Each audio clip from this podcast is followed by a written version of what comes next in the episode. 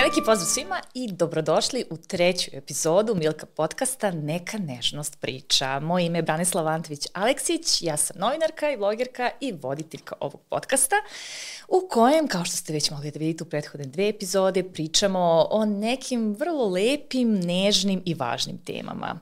E, nakon priče o podršci i prijateljstvu, evo nas kod priče o pomoći. Svakom vidu pomoći koji je uh, omogućio našim gostima da postignu uspehe koje su postigli, a koji su apsolutno neosporni i o kojima ćemo i danas pričati, ali kao što rekao, spomenut ćemo i sve one koji su im na tom putu ka uspehu pomogli. Moji današnji gost, gosti su Dušan Petrović, fotograf, ali slobodno mogu reći influencer, a od skoro, boga mi, Dušan i pevač. Da, eto, dobio sam sad i taj epitet. E, što bi se reklo onim nekadašnjim intervjuima, multimedijalna ličnost. Tako, da, multipraktik, ja nekad kažem, intervju jedan.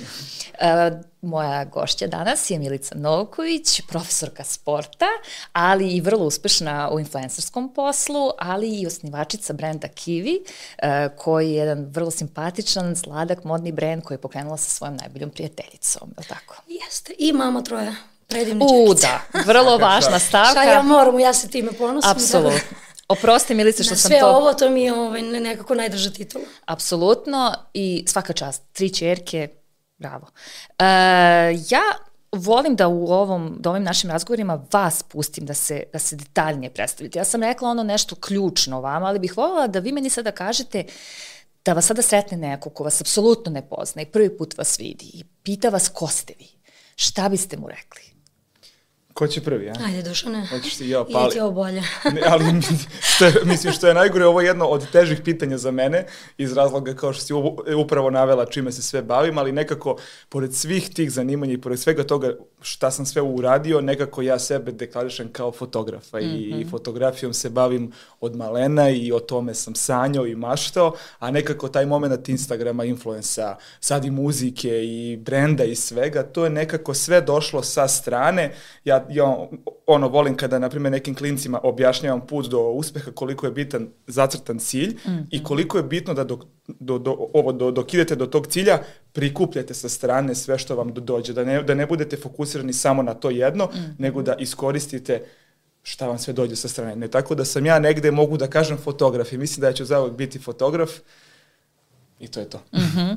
e, Milice, kod tebe, šta bi to bilo ključno, ono što bi prvo rekao? Ja se uvek predstavljam kao profesor sporta, odnosno ja mm -hmm. sam u mhm. sportu i to je moja, da kažem, primarno zanimanje. Mm -hmm. A, ne bih mogla toliko javno da pričam o tome, jer smo malo bar pre spomenule da uh, na mom profilu redko ko bi rekao da sam ja uošte trener. Mislim, mm -hmm. a ne da sam mhm. završila DIF i da se time bavim, redko ko zna da je i trening centar uh, naša teretana, mislim da je moja, nego sam mislila da tu treniram. Mm -hmm. Tako da dovoljno ne potenciram to na svom profilu, jer sam negde publiku odredila uh, na to modno. Znači, mm -hmm. na mhm. kivi, na time što se bavim, ne trenutno, nego bavit ću se time. Mm -hmm. I dalje, naše teretane su uvek tu, pa su tu, ovaj, to radimo, ali između ostalog, da kažem, kivi, nešto što sam naj, najponosnija na taj uspeh, jer da kažem da sam stvorila ni iz čega, nije me život vodio ka kiviju, mm -hmm. ni mhm. malo. Mm -hmm. Ali što rekao Dušan, ja sam iskoristila sve te neke mogućnosti koje je taj uh, influencerski posao doneo, da ne budem samo deklarisana i da ne budem samo na tom polju influensa, nego šta mogu ovaj, tu ne, taj neki uticaj i tu neku popularnost, kako mogu bolje da iskoristim. Mm -hmm. Ja sam iskoristila ovaj, za mene na najbolji mogući način. Ali kažem, rastimo sinu i dalje kao što je Dušan postoji pevač. Mm. Ovaj, ja verujem da imam još planova, tako da verujem da će se to još širiti.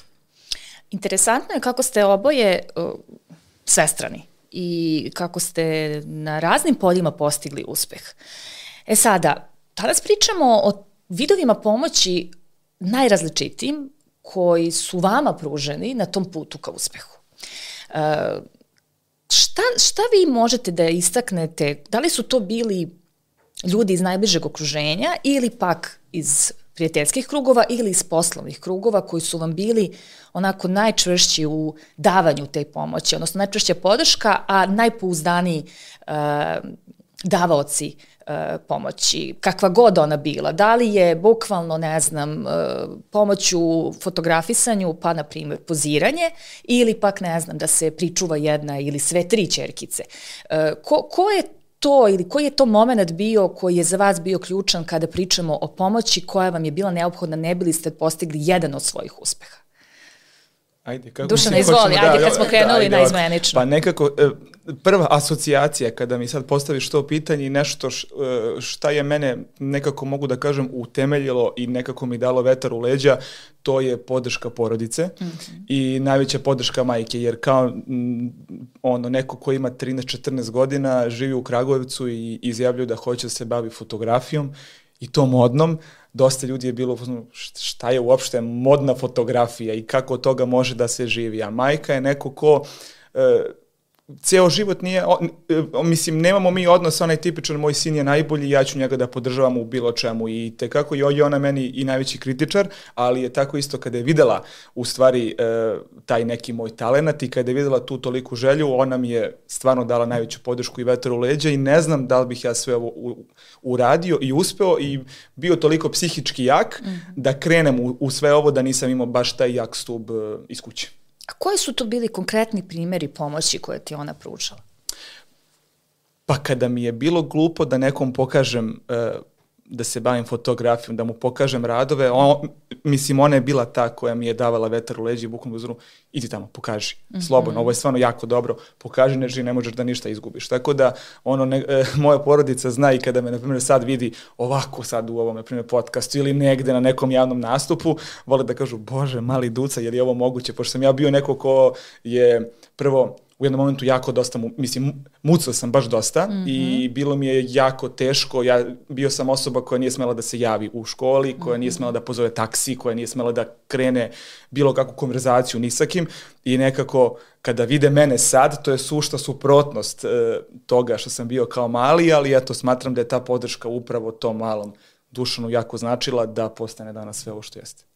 Interesantno je ovo što si spomenuo. Da li bi mogao da možda izdvojiš moment u kojem dolazi do tog tvog prerastanja tih strahova? Pa ja sam ceo život e, jako svestan svega i nekako uvek sam znao i sebe da pohvalim, ali sam znao i da, i da sebi pronađem i, i, i ono, u, da pokažem samom sebi koje su moje mane i kada sam došao u, u Beograd shvatio sam da ili ću da se transformišem i da krenem da radim na sebi, mm -hmm. da bi usput u ovom po poslu ili ću da se vratim u Kragujevac i da kukam mm -hmm. ceo život i nekako mm -hmm. to je negde, onako mogu slobodno da kažem da sam samom sebi i e, najbolji i psihijatar i prijatelj i podrška i kritičar i nekako mislim i ono i, i tekako znam da uvidim koje su mi mane i gde treba da napredujem. Mm -hmm. Milice, kod tebe taj ključni moment na tvom putu ka uspehu? Za početak bila to porodica, mislim mm -hmm. uošte da, da bi došla do svoje profesije kojim se bavim, kojim se bavim a, a, te prve, mm -hmm. sad na stranu influencerskog posla, a, je bila porodica, jer ja kao što je duša, ne znam da li neko zna, ja sam rođena sam u Beogradu, ali ja sam do srednje škole bila u Lazarevcu. Mm -hmm. Tako da da bi dolazila na treninge i da bi trenirala ozbiljno, da bi bila dobro u sportu kojem se bavila, ja sam svaki dan putovala za Beograd. Mm -hmm. Tako da su moj, moji roditelji se dosta žrtvovali da bi ja uopšte i uspevala i da idem i da budem dobra u školi i da imam svoje prijatelje i da održim sve to i da treniram i da budem uspešna u sportu. Tako da je to bilo jako, jako teško. Uh -huh. A da kažem da sam isto od mame dobila naj, naj, najveću podršku i to je mene, ajde da kažem, navelo na to da ću ja silno da se bavim u životu sportom. Opredelila sam se za taj uh, fakultet baš iz ljubavi tolike koja mi je ona usadila, tako da je to neki bio početak time što sam želela da se bavim, a onda dolaskom svog supruga, evo već 16 godina, on mi je, da kažem, najveća ovaj, životna podrška i podrška bukvalno u svemu, šta god odlučim, to kad sam odlučila, ok, dobila sam drugo dete, ja, ja sam neko ko je naviko puno da radi, da radi bukvalno od 7 do, do uveče do 11 na tom jednom mestu, konkretno u teretani i sad je došlo do, dotle da ja mijenjam život jer podređujem detetu. Neki je ono krenulo u vrtić i ja mogu da radim do četiri maksimalno mm -hmm. i više ne radim, mislim ne radim. Mm -hmm. Ja sam sa detetom, ali ne radim ono što, što sam radila 10 godina, 15 pre toga. I onda je to meni bilo, da kažem, tu teško i ja sam sad tu gledala kako šta da prelomim, da se bavim i sportom i da uradim još nešto što mogu da radim online. Mm -hmm. Tad je počela era Instagrama, a, baš kad se ona rodila, ja sam tu ušla. E koliko je to godina? Znači ona ima 9 godina, mm -hmm. to jest napuniće sa 9, ajde kažemo 9 godina, mm -hmm. ali nekih šest ja sam šest godina aktivnija na Instagramu, to je bio neki ulazak, ovaj, neki lagani ulazak i onda kad je došla druga čerka, ja sam definitivno ovaj, se posvetila uh, online poslu, Instagramu, posle Kiviju i da kažem da sam teretanu za sad ostavila ovaj, po strani. Tako mm -hmm. da, mhm. da kažem, roditelji i, i suprug koji je bio ogromna podrška da ja ipak nastavim tim smerom iako je u tom trenutku pri šest godina to izgledalo da li ću šta ću ja uraditi, on je verao u mene, zna koliko sam vredna, zna koliko im kad imam viziju ja ću to ostvariti. Tako da, eto da kažem, da je najveća podrška mama, roditelji mm -hmm. i mhm. suprug. Ali možemo reći da su ti čerkice pomogle da se ti odlučiš na ovaj korak? Pa mogu, mogu reći da se, da, da kažem, taj online komuna me postakla, mm -hmm. zato što je to bilo, ok, dobila sam čerku, mi se oblačimo, ne slično, ali da kažemo isti neki fazon, ovaj, u nekom smo istom fazonu i uvek je bilo pa gde ona uzima stvari, gde njoj uzimaš, gde ti svoje uzimaš i onda je meni palo na pamet pa mogla bi da stvorim brend koji će imati ovaj, iste stvari za mamu i čerku, slične, ne su iste boje i tako u stvari krenulo. Znači ja sam od svoje publike dobila ta, tu neku ideju šta bi to moglo da, da bude, dalje sam ja realizovala i eto za pet godina Kiwi je ovaj, postao ozbiljan brend. Da, jedna, jedna onako unakrsna pomoć sa svih strana Jest. i onda si iskanalisala u, u neke konkretne stvari. E, Tušane, a kako ti se nosiš sa kontrolom nad, nad svojim poslom i delegiranjem zadataka i dopuštanjem drugima da nam pomognu. Konkretno ja sam, na primjer, jako dugo imala problem sa tim. Smatrala sam da ću ja najbolje da uradim sve i onda sam u jednom trenutku okružila sebe nekim sjajnim ljudima i shvatila, bože, koliko je ovo zapravo produktivno i po mene, i po njih, i po moju priču. Kako je u tvom slučaju, posebno što imaš više različitih sfere interesovanja i rada? Da, pa evo, e, sad si rekla, sjaj, o, mislim, sjajni ljudi, ja imam jednog, jednog sjajnog ljuda ovde, trenutno. E, pozdrav za ja sam, pozdrav za Nedu, da. E, ja sam neko ko je jako, jako dugo mi je trebalo da, da prihvatim da mi treba pomoć nekad mm -hmm. i pošto je ono baš evo zna Neda kad, kad smo krenuli da radimo nekako nesvesno sam se čak i vraćao da, da nju, pro, mislim, ne da nju proverim, ali ja ne znam, kažem mi, u, ne znam, ugasi grejanje. I ja se vratim da vidim da li je grejanje ugašeno. I ono je bilo, dušane, pobogu, da li si normalan, ali, ali nekako sam naviko, ja, jako dugo sam sve sam radio i onda sam, ono, to mi je ušlo u krv da nekako ja mogu da, da ti možeš da kontrolišeš generalno. Pa ne da kontrolišem, što... nego kao da, ja mislim, ja, ovo, ne kažem da ja to radim najbolje na svetu, ali za sebe ja ga radim mm -hmm. najbolje. Znači, ne, ono, i te kako nisam najbolji, ali sam ja nekako navikao sebe tako i eto, smatram da je to, da je to dovoljno dobro. I evo, i mislim, ja i dalje imam taj neki, mogu da nazovem problem, jer uh, jako nam je teško da sad proširi, da, da proširimo tim i ovo, da nađemo još ljudi, jer smo do sad, nažalost, nailazili na pogrešne ljude. Eto, mogu tako da kažem. Nađemo, nekako smatram da te mlađe generacije, iako verujem duboko u sebi da, da, da, da postoje jako dobri i jako vredni ljudi, nekako te mlađe generacije, pogotovo sad era TikToka, Instagrama, svih tih društvenih mreža im je nekako malo poremetila sisteme vrednosti i nekako ljudi sad smatruju da je dovoljno samo skupiti neki broj pratilaca na Instagramu mm ili da mi ovo sve što radimo da nama novac pada sa neba i da sve ovo što mi radimo, ja volim, na primjer, kad mi tako neko prokomentariše, a baš tebe boli ovo, klikćeš ti tamo, fotkaš ti lepe devojke i to je kao baš uživaš u životu. I mislim, ja najviše na svijetu volim svoj posao, ali kada bi neko video šta sve stoji iza, iza toga, drugačije bi razmišljao. Tako da sam neko ko je stvarno otvoren za pomoć i sad smatram da pogotovo sad u momentu e, fotografije, studija, brenda, mm. pevanja i svega ostalog, da nam je i tekako potrebna po, još neka pomoć i da planiramo da proširimo tim. Ali eto, za sad imam tog jednog ljuda i okej okay je i sa njim. Milice, kako je kod tebe? Posebno, ako uzmemo u obzir uh, tri čerke, ako uzmemo u obzir to da tvoj suprug zbog posla, jer je on takođe profesionalno sport, on je profesionalni kondicijni trener i putuje svetom.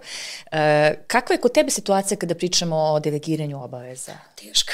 Ja sam isto kao on, isto sam zacrtala da ću ja to sve raditi sama, nikad nisam htjela da imam neke osobe, da kažem, dadilje ili bilo koliko će meni pomoći sa decom, Evo, na primjer, trenutno ova situacija, ja sam zamolila nekog od mojih da li može da pričuva. Znači, svaki put kad je neka situacija u, u, u vremenu kad oni nisu u vrtiću, mm -hmm. školi i boravku, a, moram da zamolim nekog. Znači, nikad se nisam odlučila za tu neku pomoć dodatnu vezanu za decu. A zbog čega?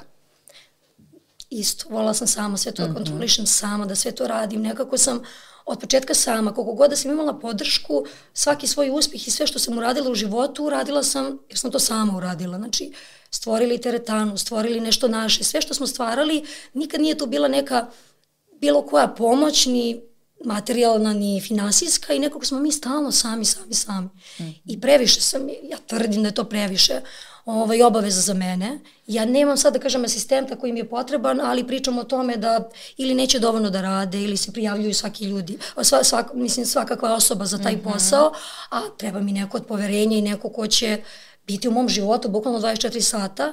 Meni to treba i dalje sam skeptična za taj potez, ali imam tašanu koja mi je tu u kiviju i onda se ja jedna drugoj pomažemo vezano za posao, iako mm -hmm. smatram da mi to nije dovoljno.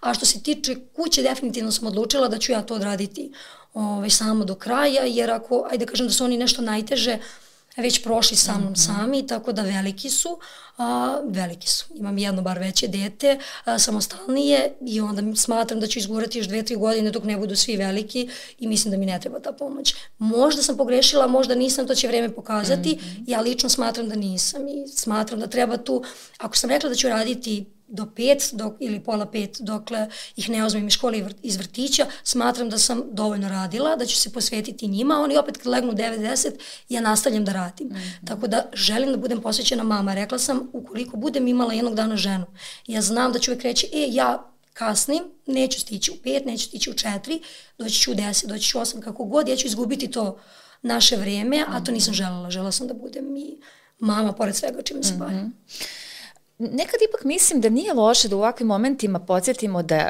nije ni sramota imati pomoć ili Posebno pričamo sad o mamama, jer postoji jedan narativ u Srbiji, na Balkanu, a verujem i u svetu, da su mame dobre samo ako se mnogo žrtvuju za decu i da su dobre supruge samo ako se mnogo žrtvuju za svoju porodicu, da, za svog istina. supruga. Mislim, ja Apsolutno, se ne sa, ali postoji ta, ta razmišljanje. Tako da je, a postoji to razmišljanje i upravo to, kada na primjer žena ima dadilju, aha, lako je njoj. Pričali smo ti i ja malo pre, pre da. početka ovoga, upravo o ovome što je Dušan spomenuo, lako je tebi kad se ti baviš influencerskim poslom, pa nemaš pravi posao. Iako si ti vrlo lepo objasnila koliko ti je ovaj posao značajan i vrlo dobro, mi svi znamo koliko to jeste pravi ozbiljan posao. E, I volila bih da negde samo napomenemo da nije ni uh, problem ako neko ima pomoć, jer je zaista danas toliko očekivanja od nas, posebno žena, da budemo na svim poljima uspešne, a posebno na tom polju majčinstva, da neretko zbog toga zaista dođe do onog pregorevanja.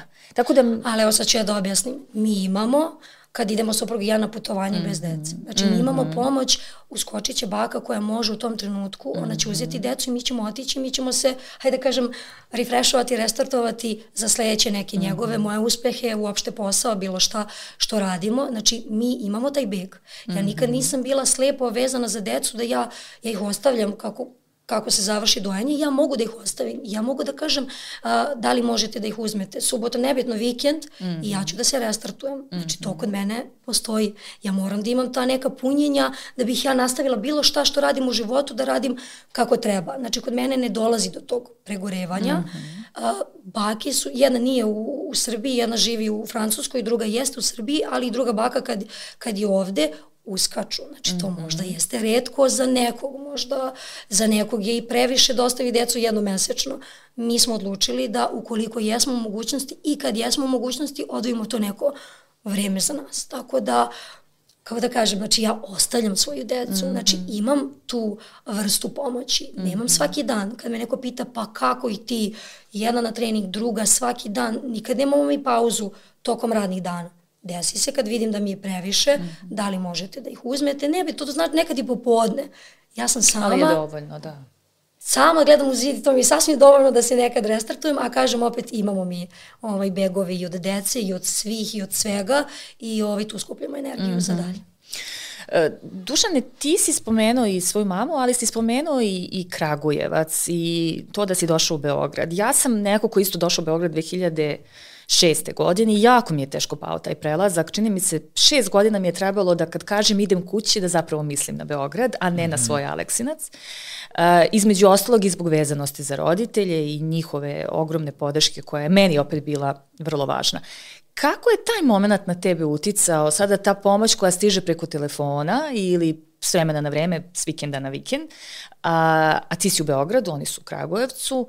Kako tu sad, šta se tu dešava? Pa evo, ja mogu da kažem da i posle 11 godina, kada me pitaju gde sam, kada me neko pozove kada sam, na primjer, u Beogradu, ja kažem evo me u stanu, mm -hmm. a kada sam u Kragujevcu, kažem evo me kod kuće. Mm -hmm. I nekako ja i dalje nisam prevalio to kao idem idem kući, a da mislim na Beograd, mm -hmm. jer mi je mhm. kuća tamo i nekako posle karantina i cijele ove situacije uh, sad čak više vremena provodim u Kragujevcu i mm. mnogo mi više to tamo prija i na primjer taj dolazak u Beograd kad, se, kad sam imao koliko, 15-16 godina možda, nepunih, meni tad ništa nije teško palo. Ja sam tad uživao, ja sam samo bio ono klinac koji je kao došao sad u veliki grad i da, i da tu radi i uživao sam bukvalno, mislim, na primjer, majka mi kaže, Bože, ti si e, kao više si pre živo nego sad, kao ti sad samo -hmm. radiš i to je to, a pre sam znao i da odem i u bioskop i u pozorište i da uzemo da vozimo biciklu na, ono, po, po keju, da odemo na adu, ja sad bukvalno nemam te momente jer sam se samo nekako uokvirio tu u poslu i to je to, ali nekako ja i dalje nisam prevalio taj moment da mi je ovo kuća. Nekako ovde sam u stanu ili u studiju, a kada sam u Kragovicu ja sam kod kuće.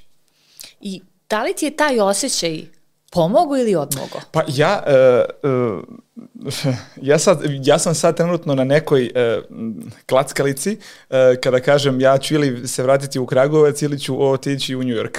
kao nekako sad trenutno ovom, u ovom momentu nekako Beograd vidim kao trenutnu moju, trenutnu moju stanicu, iako je, iako ga volim možda čak i najviše na svetu, jer mi je dao toliko prilika i to, toliko stvari sam u, u Beogradu i proživo i, i uradio i napravio i nekako zahvaljujući ovom gradu sam eto i izgradio tu svoju karijeru.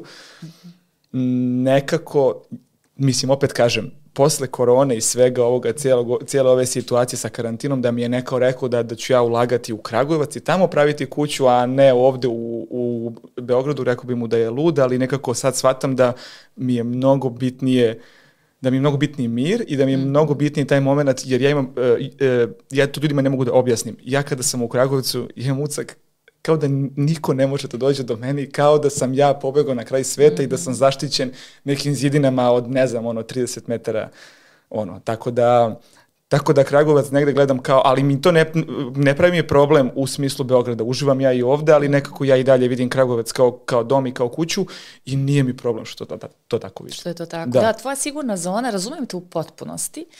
Uh, imam sličan osjećaj za svoj rodni grad. Uh, Uh, mada ja moram da priznam da meni taj osjećaj više od, odmogao nego pomogao. Stvarno? Pa jeste, čini mi se da bih mnogo mogla više i uh, brže da postignem neke stvari da nisam imala taj osjećaj melanholije, ali dobro, to je neka da. druga tema.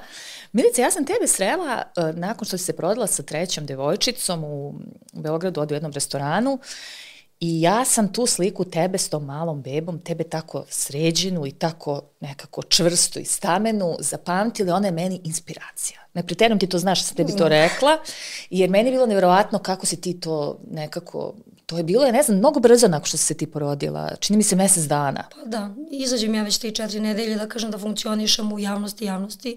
Izlazim mi napolje, ali da kažem u svom poslu je već izvodim tako, ima da. sigurno 3-4 nedelje. Pa da, u stvari, a, sa 4 nedelje smo mi otišli u Francusku na letovanje. Ona imala tačno mesec dana kad smo, znači to je verovatno bilo malo, malo, malo pre. Malo pre, da. tako je.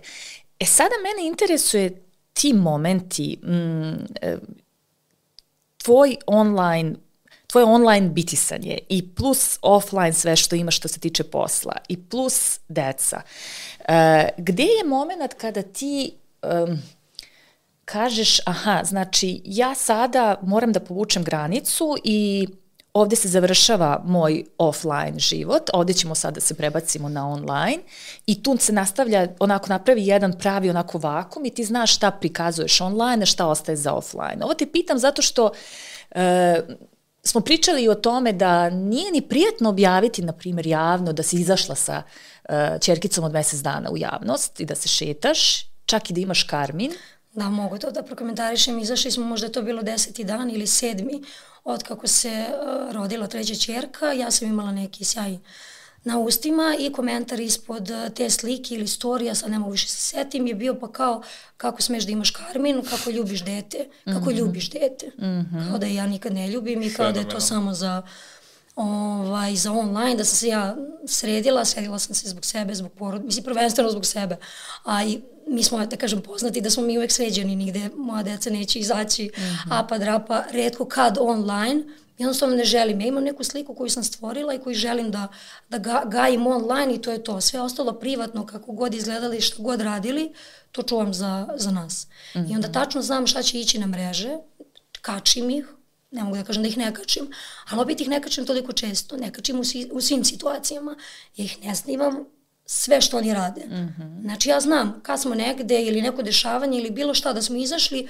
volim da snimim, ali ne baš svaku situaciju. Ne želim da me pamte niti da oni, oni znaju šta ja radim i oni su svesni toga kako su stariji, sve su svesni i ne, meni je to mnogo lakše nego ja njima da objašnjavam mm -hmm. zašto mi idemo negde da se slikamo ili zašto ih ja sad snimim, ali kad smo privatno kući, da nije to nešto, neko angažovanje, mm -hmm. neću da me pamte kao mamu koja ide i snima da li su crtali, da li su jeli, da li su pili, mm -hmm. da li su bilo šta radili. Tako da kod mene ima jasno to ograničenje. Znači uvek će biti ta neka situacija koju ja želim da podelim sa ljudima, ali da kažem da stvarno jedno 90% ne delim sa ljudima, mm -hmm. ovaj, što, vezano za decu, naravno. Da li si si ikad pokajala što si nešto podelila da je u vezi sa decom? Ne, zato što pametno biram šta, mm -hmm. šta radim i šta kažem. Mm -hmm. Dosta smo pričale o majčinstvu, voljela bi da se dotaknemo sad i tvog privatnog biznisa Kivija. Kakav je tu bio moment potrebe za pomoći? Šta se tu nametnulo kao nešto što nisi mogla sama, nisi znala o svemu sve i trebalo ti je da ti neko kaže, ej, uradi tako i tako? Pa ovako posao kao posao, iz, kao sporta, ideš u modu, ja i uvek im, sam imala ovaj, tu neku želju da se bavim mm -hmm. i u mhm. toj sferi, ali ne, e, sad osnivam brend i ja sve znam, niti mm -hmm. znam o poslovanju i biznisu. Jedno je držati teretanu i raditi za druge u teretani, a drugo je osnovati svoj biznis. Mm -hmm. A, tu sam odmah znala u startu, pošto sam imala već jedno dete i drugo je bilo na putu, da će meni trebati pomoć i da smo se nas tri, najbolje drugarice, dogovorile da zajedno pokrenemo mm -hmm. tu priču. Trenutno nas je dve, ostalo nas je dve duce izašle iz ovog posla a, silom drugih prilika, mm -hmm. ali ajde kažem da smo nas tri osnovale to i meni je tu bila velika pomoć. Jedna je bila zadužena za online, mislim odgovaranja ljudima, druga za slanje sve te neke stvari tehničke prirode, i, a sve tri smo osmišljavale šta je trebalo i ja naravno da se sve to ispromoviše. Znači svaka imala svoje održenje kao kad bi neko od nas, kogod je osnovao taj brend, imao još asistenata pored, ovaj, pored mene. Tako da je meni mhm. tu u startu bilo mnogo, mnogo lakše. Mm -hmm. I onda mi je da kažem, za dalje. Nije to bilo samo na meni i mogla sam da hendlujem porodicu i posao i, ajde da kažem, tad sam još uvek bila trener. Znači, do mm -hmm. tog rođenja drugog deteta sam i dalje bila trener, tako da mi je to ta pomoć mnogo značila. Jasno. Dušane, ti sada vrlo skoro si objavio pesmu svoju i ti, dakle, ulaziš u jednu totalno sada drugu industriju. Uh, kako se sad tu ti ponašaš kada pričamo o pozivima u pomoć. da. A znaš šta, evo sad, sad slušam šta, šta pričate, ja sam na primjer to, e, sušta suprotnost mm. na društvenim mrežama, naravno ne možemo ni, ni da se poredimo zato što i, ti imaš tri deteta i nekako ja to verovatno ne mogu sad iz ovog ugla ni da, ni da zamislim kako je, ali nekako na društvenim mrežama sve što se ikada videlo vezano za mene, svaki moj snimak, svaki moj story, svaka moja fotka, sve je nastalo uh, spontano, bez ikakvog nekog velikog plana i nekako ja kada sam dobro i kada sam raspoložen, ja pokazujem to svima, izbacim po 100 storija, pa mi onda Instagram bane profil na 24 sata, to se stalno dobro, dešava. to nije vezano to... za decu, znači da imaš pa decu, ne, tačno bi znao e, upravo ti to kažem, da, ne može. koriste loše, takve stvari. E, pa to je sad, da, to je- To, nije isto, znači tebi se svest totalno menja kad god dobio dete. To je sad, da, druga ja, stvar. 26 ili ćeš ti imati 36, 46, to apsolutno nije bitno, tebi se cela svest promeni. Ne, pogotovo što danas živimo u, da. u takvom nekom vremenu gde sve što uradiš je nažalost pogrešno i nekako ljudi će, ja sad evo kada sam čuo ovo za komentar za, za, za sjaj, Mislim, to je tu- jedan od, to je znači tu stvarno, sam, pa evo ja sam je- skoro video na Twitteru, sad eto, mislim samo da, da, da, da čisto pomenemo, neka majka je izbacila sobu, slikala je sobu gde su ovako svuda bile igračke od deteta i proglasili su je depresivnom, jer kao ne može da se natera da, da to sredi i neodgovorno majkom, jer ko ima puno igračaka. Mislim, hoću da kažem koliko to sad sve ide. Mnogo Sa- pipljivo. mislim, Generalno sve sa decom je jako pipljivo. Zato tu Da. ja mislim i da treba da mi Da se svesno, dobro razmišlja, da. Da, da svesno radimo neke stvari, šta ćemo uraditi, šta nećemo. Jasno mi da se rade neke stvari i radim i ja to što kažeš, dođe ti, ti to uradiš, objaviš, ali znam šta tačno neću. Ali, Ali ja znam opet- napred šta da ja sam programirana, jer to je troje dece. To nije jedno pa da ti imaš neke greške. Ba, zbog toga kažem, To ja ne mogu ni jedno da treće. zamislim kamoli- To je, to, to je neko Da. iskustvo, sad totalno nevezano za ovu priču, ali opet iskustvo koje ti daje šta ti možeš na mrežama da radiš. Ali uvek će se nešto desiti da ti ne možeš da iskontrolišeš, da se ne Da. Ne, samo da, ova priča je bila uvod e, na, na to, pošto si me pitala vezano za pevanje, nekako, u, pošto sam shvatio, evo ja sam imao iskustvo na Twitteru gde su me e, isto isprozivali što sam napisao da nisam okitio jelku, pa su mi rekli kako misliš o okićenju jelke kad ljudi umiru. Mislim, do koje to mere ide i onda sam- Dušane, mislim, ne treba samo- da čitaš više komentara. Ne, to, Ne to, da da. Ne, ali apropo, uvod samo kao, da li treba onda stvarno da brinemo šta ćemo da pričamo, radimo, kačimo, da li ću ja kao fotograf da snimim pesmu, da li ja treba da sad, sad, sad brinem šta će ko da kaže ili jednostavno samo treba da idemo nekim svojim osjećajem i svojim instinktom. Apsolutno smatram da treba da idemo svojim osjećajem i svojim instinktom jer će uvek će nam svako naći manu za bilo šta. Možda će neko da mi sad nađe manu što držim ovu ruku ovdje. Tako da nekako to pevanje... Verovatno samo naši tonci. E, pa da, verovatno, ali nije, dobro, dobro, evo, trudim se da ne lupam, iako sam ja neko ko, kad priča, ja mlatim i rukama, i ob- ja, ja, ja pričam rukama, Dobar si. mislim, trudim se da, da budem miran. E, što se tiče pevanja i svega toga, e, jako mi je smešno, zato što sad čitam komentare kao, jo, šteta što napušta fotografiju. Ja sam, ono, ljudi, e, mislim, najveći problem kod nas na Balkanu je što ljudi ne, e, ne podržavaju to, ajde mogu da kažem baš prostim rečima, svaštarenje. To je ovo što radiš ti, što Da. radim ja, što radiš ti, mislim, to nekako svi radimo i to je, na primjer, u Americi kada ljudi vide neku osobu koja je i ovo, i ovo, i ovo, ono, dižu je u nebesa i hvale je, a kod nas još jednostavno nije prihvaćeno i kako sad ti možeš kao fotograf da pevaš ili kako sad ti, e, ti kao voditelj, na primjer, sad da hoćeš da se baviš fotografijom, ti da meni dođeš i da kažeš hoćeš da se bavim fotografijom, ja bio oduševljen i pokazao bi ti sve. Nekako Evo smatram isto, da... izvini, mogu se da dođem može, naravno. Jer e, sad, pre četiri godina, pet, kad je osnovan Kiwi, nije bilo toliko tih manjih brendova uh, koji su počeli online. Bili su samo naši kreatori, poznati, Mhm. domaći brendovi i to- to je to. Znači nije bilo nešto, sad je na online-u svako drugi kreator, os- osnovo je brend, mislim imaš i ti brend, znaš. Jeste, da. Nama ko god da dođe, znači nek su mi najbliži kumovi, prijatelji, osoba sa Instagrama, znači traži pomoć, da li proizvodnje, da li kako da počnu, da, kako da krenu, znači Tašana i ja smo uvek tu da pomognemo. Nikad nisam rekla, zašto, o, zašto baš, zašto to? Ne, pa evo- Kako, toliko ih je, ne, ili nećeš uspeti. Nema toga, baš treba da daš vetar u leđa, on, on će da vidi koliko je to teško, jer možda većina od tih osoba misle da je to ajde lakše, mi ćemo da radimo to, prodavat će se to, kačit ćemo slike. To će da ide, da. Jeste, a to toliko teško prodavati stvari i uopšte doći do tog nekog nivoa da to bude stvarno priznat brand je jako teško. Oni to ne znaju i ne vide. moji, na primjer, prijatelji i porodica, znam da ih jako iznerviram tako nekad koliko sam miran, jer, na primjer, tako pojavi se Eto, ja sam krenuo 2018. sa trenerkama i ja kažem, ja prvo nisam ni dizajner, niti kreator, niti sam izmislio toplu vodu. Znači, to je duks. Isto, To je duks i donji deo trenerke koji, eto, ima tu foru zato što piše sve može i za čega ja stvarno stojim i nekako ljude to motivisalo, ljudi su to kupovali da bi ih motivisalo, ne da bi kupili sad ne znam ja kakav dobar kroj trenerke, trenerka kao, kao trenerka, ali evo sad postoji toliko još brendova i Jeste. svaki put, evo mi, naša, proiz, mislim ne naša, ali proizvo, ovo proizvodnja u kojoj sam ja krenuo da radim sad tu skoro svi rade jer sam ja prosledio kontakt svima. I nekako e, porodica moja i prijatelji, ono, tako se nekad nerviraju, kažu, kako si tako miran, kako te to ne iznervira? A ja nekako stvarno smatram, možda živim ja u nekom šarenom, e, šarenom svetu, u šarenoj laži, ali ja stvarno verujem da za sve nas ima mesta i da svako ima prava da radi, ne postoji pravilnik šta neko sme, šta neko ne sme. Tako Nije, da, to je, znači to tebi je zdrava konkurencija. Znači, upravo to, to ja volim. pokreće da ti na svom brendu bilo čemu što radiš, radiš još bolje, radiš još više. Upravo znači, to. Nek te oni prestignu. Ja nemam problem ni da me oni prestignu. Što znači da su oni više uložili, više radili, bolje odradili neke stvari od mene i oni su me sad pretekli. To mi je skroz normalno. Da, vi sada pričate da to... zapravo o tome kako vi pružate pomoć nekome. Pa u stvari, da. Da, da i to je odlična, odličan način da vi nastavite taj niz uh, lepih dela, jer neko je vama pružio pomoć ili makar podršku ili lepu reč, sada vi to nastavljate i ja sam apsolutno saglasna sa vama da ima mesta za sve nas.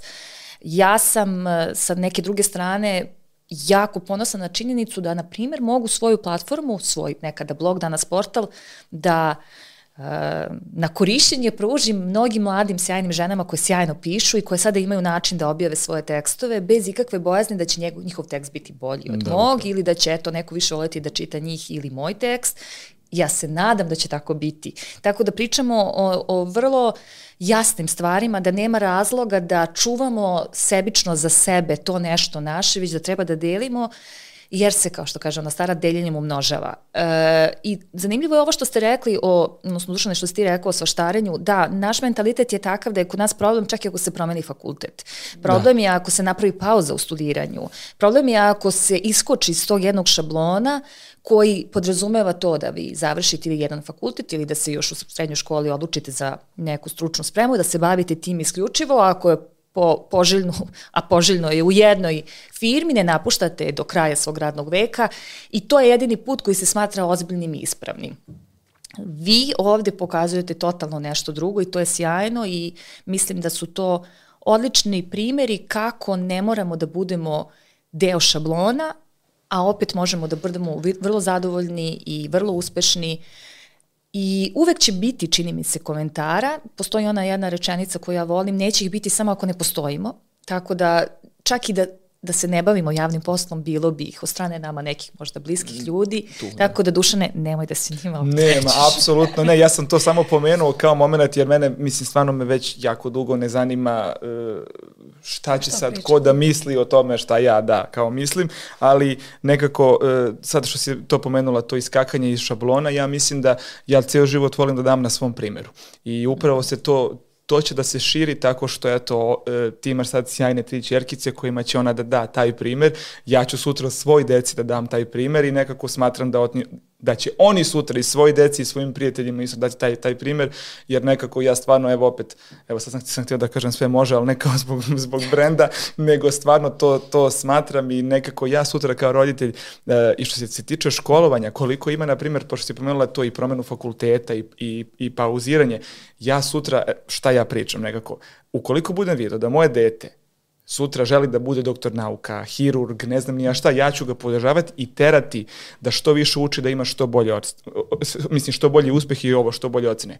Ukoliko, ukoliko vidim da se, da ga zanima, da je zanima, da bude frizer kada radi nokte, da, da, da fotka, ja ću joj kupiti četku i reći evo idi tamo vežba i završi školu s, sa prosekom, nemoj da te to, da te to uopšte, o, o, mislim, opterećuje, nemoj da ne završi školu zato što je ipak pismenost i, i obrazovanje je nešto što je jako bitno jer ti moraš sutra da razgovaraš s nekim ljudima, mhm. ali jednostavno neću stajati na put uh, njihovim uspesima i njihovim nekim željama. I evo moram samo da pomenem, na primjer, momka koji mi je radio vizualne efekte u spotu kada smo mhm. pričali, on je 2002. godište i nema kome sad ne radi, nema stvarno mnogo dobro radi. I on meni kaže, ja sam upisao srednju školu vanredno, napustio sam i upisao sam vanredno, jer sam shvatao, e, shvatio sam da, da tih 8 sati je meni gubljenje vremena jer sam znao šta hoću. Mm -hmm. I ja kažem svaka ti je čast jer to danas nemaju svi ljudi Da. petlju da to urade i ne, mislim ili se plaše ili ne veruju, veruju dovoljno toliko, u sebe, da. ne veruju dovoljno u sebe i on je jednostavno eto upisuje vanredno, sad završava, ovamo ima svoju firmu i bavi se onim što voli, nekako eto, mislim eto ga nešto što je kao vam pravila skroz, a pokazalo je dobar rezultat i dobre uspehe, tako da To dobro, redko ko je vaspitan tako, svi su vaspitani da idemo i da gledamo samo pravo, znači šta, moraš da završiš srednju, moraš da završiš fakultet, moraš, ono što smo spomenuli, da radiš u institucijama, ovaj, gde ti je sigurna plata, gde ti je sigurno radno vreme, da su sigurni odmori, mm -hmm. da je sve nešto sigurno, zdravstveno i ostalo i mnogo ljudi ima strah da se upusti u nešto drugo. Jer Nešto on je naučen, naučen Jeste. od početka da živi tako. Jeste i samo moram da kažem apropo da se vratimo na temu pomoći, e, kao neko ko je sad snimio pesmu i e, kao neko ko je trebao da snimi spot, da organizuje promociju, da, da uradi 300 nekih čuda i stvari, e, ja sam neko ko je drugima napravio na hiljade kavera za singlove iz albume. Ja sam neko ko je snimio preko 500-600 spotova. Kad je došao red na moj spot, ja nisam znao ljudi ništa. ništa. Ja bukvalno kao da sam juče došao iz Kragovica ili iz bilo kog mesta ili do, o, ono, odakle god i nisam znao ništa, ali sam imao toliku pomoć.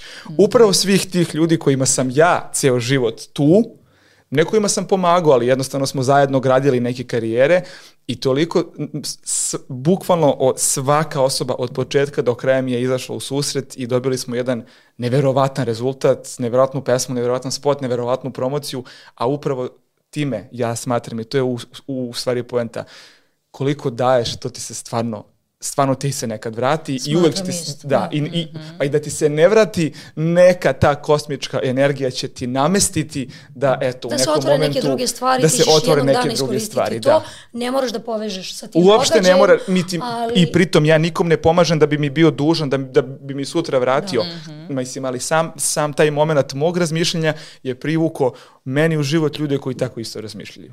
Tako da je to meni eh, ono, najveći primjer i dokaz u stvari kako Milice, sve šta ti lepo. misliš o, o toj slobodi e, izbora koju je Dušan spomenuo, a koja je očigledno na njega prenet upravo od majke koja je imala razumevanje za tvoje izbore e, koji su bili, eto kao što si ti rekao, možda malo e, Drugačiji. neobičani, Da. ali nisu, ali ajde, malo drugačiji. Kako ti se nosiš sa tim izborima? Koliko daješ slobode svojim čerkama? Koliko imaš ti vere u njihov izbor? Pa kao, pošto sam prošla kao i mi svi neke te, te godine i ta neka razmišljanja i te neke ovaj, pokušaje, tačno znaš kako da možeš i šta treba da kanališem. Znači u kom smeru ide njihovo razmišljanje, a, nešto što oni žele, znam gde treba da im pustim, skroz da im prepustim ono što su htjele da urade, uradit će, a negde da kažem, ok, tačka, kraj, sad više to ne može. Mm -hmm. Ili nešto probam, ne ide.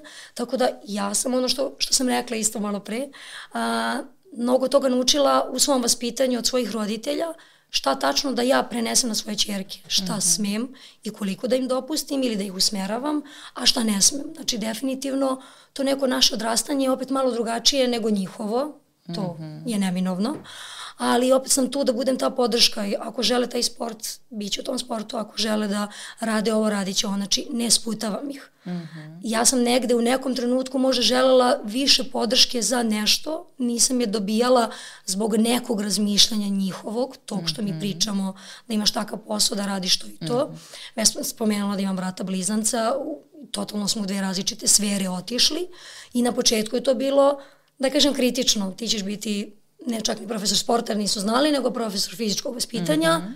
on će biti inženjer. Ka, mm -hmm. Kako to? Opet je bilo o tome priče, bilo razmišljanja. Ipak sam ja to čula, nije ono to da smo komentarisali iza mene, kao da se komentarisalo, ja sam to uvijek bila svjesna, uvijek sam čula. Tako da ne želim, njih je A u tri. kom smislu su bili komentari? On će biti u prednosti, odnosno na Da, tebe? da, on će biti mnogo uspešniji, ipak si ti sa profesorskom platom, šta možeš da radiš u životu. Ti si, kao žena, jeste to, da kažem, i za žene posao, ali kao ti si žena, bolje da upišeš neki drugi fakultet. Bilo je takvih komentara. Znači, ne mogu da kažem da je na prvu bilo super strava, bićeš profesor, učitelj, šta god da budem, to je moje zanimanje, to sam ja jako želela. Znači, nije bilo od starta. Jeste se sve to kasnije promenilo, ali opet, da kažem, brat ipak ima neku profesiju za koju svi, da kažem, da više cene nego ono što sam ja htela. I onda ne želim, imam tri čerke. Jako je, jako je teško vaspitati generalno decu, mm -hmm. a da ne dođe do toga da jedna, druga, treća misle da je ili neko uspešniji ili ako ima bolje, bolji, da. E, zanimanje, da je ona samim tim vrednija i bolja osoba od ove druge koja nema to zanimanje. Mm -hmm. Znači, ne želim da isputavam. Znači, šta god što je rekao Dušan, ako hoćeš da budeš frizer, budi, ako hoćeš da budeš hirurg, budi. Znači, ne, u tom smislu ih ne, neću nikad sputavati. Tu sam samo da ih usmerim na pravi put. Mm -hmm. I to je teško u tom današnjem vremenu. Pogotovo u današnjem vremenu, da. Da, Brana se nije složila malo pre sa mnom. Ona smatra da deca nisu toliko loša. Mislim, radim i ja sa decom, u kontaktu sam sa i tuđom decom, ne naravno samo sa svojom. Ovaj, to je sad škola, to je neki drugi level. Sve misliš ono kao la, lakše je kad su, te, teško je kad su mali, u stvari teško je kad su veliki. Mm -hmm. To stvarno roditelji što kažu, što je dete veće, veći su problemi. Ovaj, potpisujem i ja to. Mm -hmm. Tako da volela bi samo da budem tu njihova najveća podrška i suprug i ja u svemu što, što budu želele, naravno sve što je u domenu normalnog i kako treba. Da, ja, ja imam jako pozitivno mišljenje o, hajde to ću reći, mlađim milenijalcima i generaciji Z. Uh, volim što su osvešćeni, volim što su prosvetljeni, što su svesni borbi koje tek sada mi, na primjer, koji imamo 35, vodimo u poslednjih pet, možda maksimum 10 godina, ali ni toliko. Oni su svesni tih problema sa svojih 18-19. Pričamo, ne znam, i o borbi za uh, ekološki, ekološki bolji svet, o borbi za ljudska prava, o borbi za ženska prava, o svemu tome oni, boga mi, razmišljaju i, i žele da se bore, o borbi za sobstvena prava, o tome da oni nisu spremni da trpe sve i svašta, već jasno znaju šta žele, idu ka tome i ja ne mislim da treba da budemo mnogo zabrinuti. Apsolutno postoji ono što je rekao Dušan, da možda ta pažnja malo smanjena, da, da su njihovi ciljevi onako malo površniji i da ih vode ka tome neki možda pogrešni impulsi, ali negde ipak mislim da su oni naučili na ovim greškama koje smo mi spominjali, jer opet uh, pričamo o zaostavštini, sve ovo o čemu smo mi pričali uh, su naši roditelji uh, radili kao zaostavštinu jednog sistema kojeg su oni bili deo, a koji ne postoji sada već malo duže. Mi smo opet e, rođeni krajem 80-ih, ti si duša ne možda 90 Da, 94. 94. Ti si malo mlađi, ali uh, opet su to zaostavštine tih socijalističkih, uh, to je, ja zovem, socijalistički duhovi koji ne mora da znači da su nužno bili loši, ali su definitivno druga, mislim, bili drugačije od današnjeg da. vremena. Da. I ja mislim da su ovi klinci malo rasterećeni tih okova, a i ako nisu, borit će se protiv njih. Moj je takav utisak i drago mi je da da ja vidim malo negde razloga za optimizam, uh, jer upravo ovo o svemu što čemu pričamo, te predrasude, mislim da su mnogo koštale našu generaciju i da su mnogi i dalje vođeni predrasudama izbegavali da upišu, ne znam, nešto što su zaista želeli, a opisivali su nešto na što su bili ili primorani ili što se predstavljalo kao bolja opcija, uglavnom bolja po toj stabilnosti koju smo pričali. I sad, na primjer, zbog toga, Dušan, bih volala da mi kažeš kakva je reakcija tvoje okoline bila na to da se baviš fotografijom. Umetnost je uvek onako podložna predrasudama i kritikama, da. posebno muškarci u umetnosti su izloženi uh, vrlo jednom onako negativnom stavu i to je ono zbog čega ja stalno ističem. Patrijarhat vama šteti isto koliko i ženama, jer patrijarhat vas čini takvim da vi morate da budete, jel te, ako ste osjećani to može da bude samo bes i ljutnje, ništa drugo, uh, ako ste iole emotivni to ne valja, sve ono što predstavlja pokazivanje bilo kakve slabosti je naravno uh, po defaultu loše, I to negde umetnici su najčešće osjećali na svojoj koži. Kako, kako si se ti nosio s tim? Pa, mislim, ja sam neko ko je kroz školu uh, prolazio kroz uh, razne vidove bulinga, ne znam kako se to kaže na našem... Uh, Pa vršnjačko nasilje. Vršnjačko, da, vršnjačko nasilje, jer, jer nikom nije bilo jasno upravo to ja se sad bavim modnom fotografijom, mm. ja sam sad u nekoj modi, to nikom, mislim, to nikom nije bilo, nije ni meni bilo tad jasno tačno sve, ali nekako sam uvek znao da volim fotografiju, da hoću da prema tome idem i nekako ne bi se sad ja toliko na to vraćao iz razloga što uh, posle ovoliko godina shvatio sam da je meni to i tekako značilo, jer mi je mm. to davalo motivaciju i volju da ja njima pokažem šta ću uraditi. Da. Mm. I, da, i, I da sam imao možda svu podršku, možda bi mene bolilo uvo. I bio bi mm. o, mislim, ok, whatever. Ali ovako mi je to davalo u, e, mislim, upravo to, motivaciju i volju da nešto pokažem i da nešto napravim. I nekako i dan danas, tako kada, na primjer, eto, pre par godina, da sam ono, kad, ovo dok sam bio aktivan na YouTube-u, tako kada izbacim neki vlog, pa izbacim neku fotografiju, i budu sve pozitivni komentari, ja kažem, bože, jel moguće, hoću neki negativan da me nešto malo pomeri, jer, jer mislim, jer, jer kao ono, ovo kada je sve pozitivno, opet ni, ni to ne valja, tako da, ušuškan si previše, da, da, da, tako da, tako da sam neko ko je, eto, ko, mislim, koga je sve to radilo.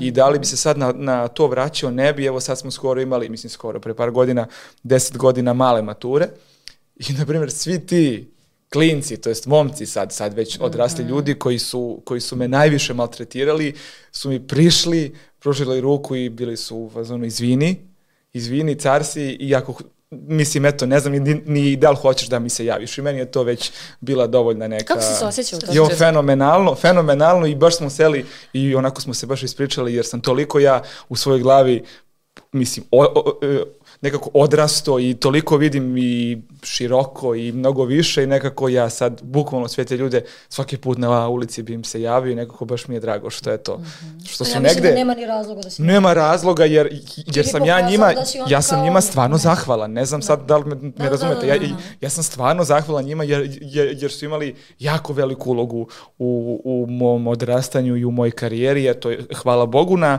na, na tom stubu kod kuće i na mojoj jakoj glavi. Mm -hmm. Ti Jer si zapravo možda... sebi bio ovde velika pomoć. Pa da, Jesam, možda da. Negde to možda sad glupo da kažem da, ono, da, da, da sam samom sebi, ali nekako ja sam toliko bio ubeđen u sve što danas živim. Nekako ja i danas sve što mi se desi, nekako nisam iznenađen, nego sam uzmano, ok, evo ga. Ja to, ja ne, ja ovo kažem, ja, ja sam to zaslužila. ne, ne, prvo, e, e, to je sad meni malo neki drugi problem, jer ja nekako ne, ne smatram da, da sam mnoge stvari kao zaslužio, iako jesam, ali e, se ne iznenadim kada dođe neki uspeh, jer sam toliko dugo vizualizovao sve to i toliko dugo sam nekako živo sad, mislim, ljudi, ja sam u Peugeotu 206 držao kutiju ovde da bi držao ruku, da bi držao lakat, kao jer u svim boljim kolima imaš to, razumeš, do koje sam mere ja išao, tako da je nekako kada sam kupio bolje auto, meni to nije bilo kao wow, nego kao bilo normalno, je, ono, jer sam ja već navikao, tako da nekako možda sam, eto da, možda sam negde, miks, miks porodice, miks tih ljudi koji su me malte, mislim vršnjačko nasilje koje su mhm. vršili nadamnom i miks moje neke jake glave i lude u isto vreme je, je doprineo da evo danas ovde sedim i da pričamo mm -hmm. o svemu mhm. ovome. Ja sam spomenula da moramo imati jaku glavu jer svi oni koji su imalo nešto sumnjali u sebe ili nisu bili toliko psihički, jer sam ja baš ranije rekla da sam ja jaka psihički. Mogu dosta toga da podnesem i loše i dobro, Jest. Ali to je u nama, mislim to je do nas. Jer ako nisi dovoljno, mnogo njih je pokleklo ili odustao. Da, ali smatram da je rad na, na sebi jako bitan, jer sam Absolutno. ja neko ko je radio da, da, da, na sebi, gradio, gradio, Burj Khalifu sam izgradio u ono samom sebi, tako da nekako, pošto kao što sam pomenuo na početku, ja danas i ja tad, to su dve različite, mm -hmm. različite osobe i fizički, i psihički i ma, u, u, u svakom smislu. Apsolutno, mentalno zdravlje je jedna takođe od tema o kojoj se mnogo priča na društvenim mrežama, a o kojoj se nikad ranije nije pričalo i to ja kažem iz svog ličnog iskustva, jer sam ja neko ko se bori s anksioznim poremećima od svoje 13. godine i vrlo ponosno pričam o tome zato što sam uspela da se izborim i da sada nekom kroz te društvene mreže pomognem. A verujte mi tada, kada sam ja imala te problem, nikad niko nije spomenuo anksioznost u bilo kojim medijima, već smo uh, tek možda deseta godina kasnije počeli o tome da čitamo i to uglavnom u inostranim, uh, na inostranim portalima. Tako da mentalno zdravlje, dotakli smo se teme koje je izuzetno važne. Ako treba da tražimo neku pomoć, mislim da je pomoć oko mentalnog zdravlja je, na prvom na prvo mestu. mestu bukvalno jer mestu. nema veze koliko smo mi jaki ili nismo, mi možemo uz taj rad na sebi, tako je, možemo postati jaki. Tako da to je nešto što ja mislim da jeste problem mlađe generacije posebno, odrastanje uz, uz to online eksponiranje konstantno mnogo utiče na, na mentalno zdravlje i eto, vola bih da možda, pošto privodimo kraju, upravo kažemo da ako vam je potrebna pomoć tog tipa, obavezno je potražite. Ja, ako se ne varam, duše, ne mislim da si ti pričao o psihoterapiji vrlo otvoreno ili sam pogrešila? Pa, mislim, ja sam generalno pričao, uh, nisam davao neko svoje iskustvo, ali sam pričao kako je to mhm. jako bitno i kako to ne treba da bude tabu tema i neko sam koji je e, dosta nekih knjiga pročitao vezanih za, i za motivaciju i za biznis i za, i za za mentalno zdravlje mm. i sve i nekako smatram da evo ja danas, evo ne znam da li sam dovoljno rekao, ali ja, ja danas imam isto osobu sa kojom pričam s vremena mm -hmm. na vreme, mm -hmm. pogotovo u svom ovom ludilu u, u kom živimo u ovoj šestoj ili sedmoj brzini, mm -hmm. ja mislim, je jako bitno jer nekad nemam vremena da, da, da svoje misli saberem i, i da vidim gde sam i šta sam, a neko ko to sa strane gleda može da vam mnogo lako pomogne i neko Tako može da vam bukvalno jednim pitanjem e, da odgovor na to jest jednim, pit, jednim pravim pitanjem vi ćete sami sebi da date Tako odgovor je. na neke Teško je priznati ti imaš problem i ti Ali, ne znaš kome da se obratiš u većini slučajeva jer smatraš da ta osoba će pomisliti isto to, da je to taj neki da, problem. ali neke da... stvari nisu ni problemi, mm -hmm. nego ih mi, mi ih pravimo da, da, da su, su problemi, to mnogo da. veliki problemi. A i neko ko ima, ja sam imao, imao iskustva u svom okruženju sa ljudima koji su imali ozbiljne probleme, mm -hmm. pa su ih rešili upravo mm -hmm. time što su našli pravu osobu, što su imali podršku svih nas i nekako ja stvarno smatram da je sve na ovom svetu manje Reši. više rešivo. Apsolutno. Što se tiče toga. Apsolutno i to je ono što ja mislim da je dobro jedna od najboljih zapravo stvari, ne dobrih, nego najboljih koje nam internet doneo, da konačno progovorimo o tim tabuima i da konačno skinemo tu oznaku tabua sa takvih tema i da nismo ludi ako imamo uh, određen problem, već samo nam je potrebna pomoć kao isto da nas često boli glava ili da imamo problem sa, ne znam, povišenim pritiskom ili sa bubrezima, na primer.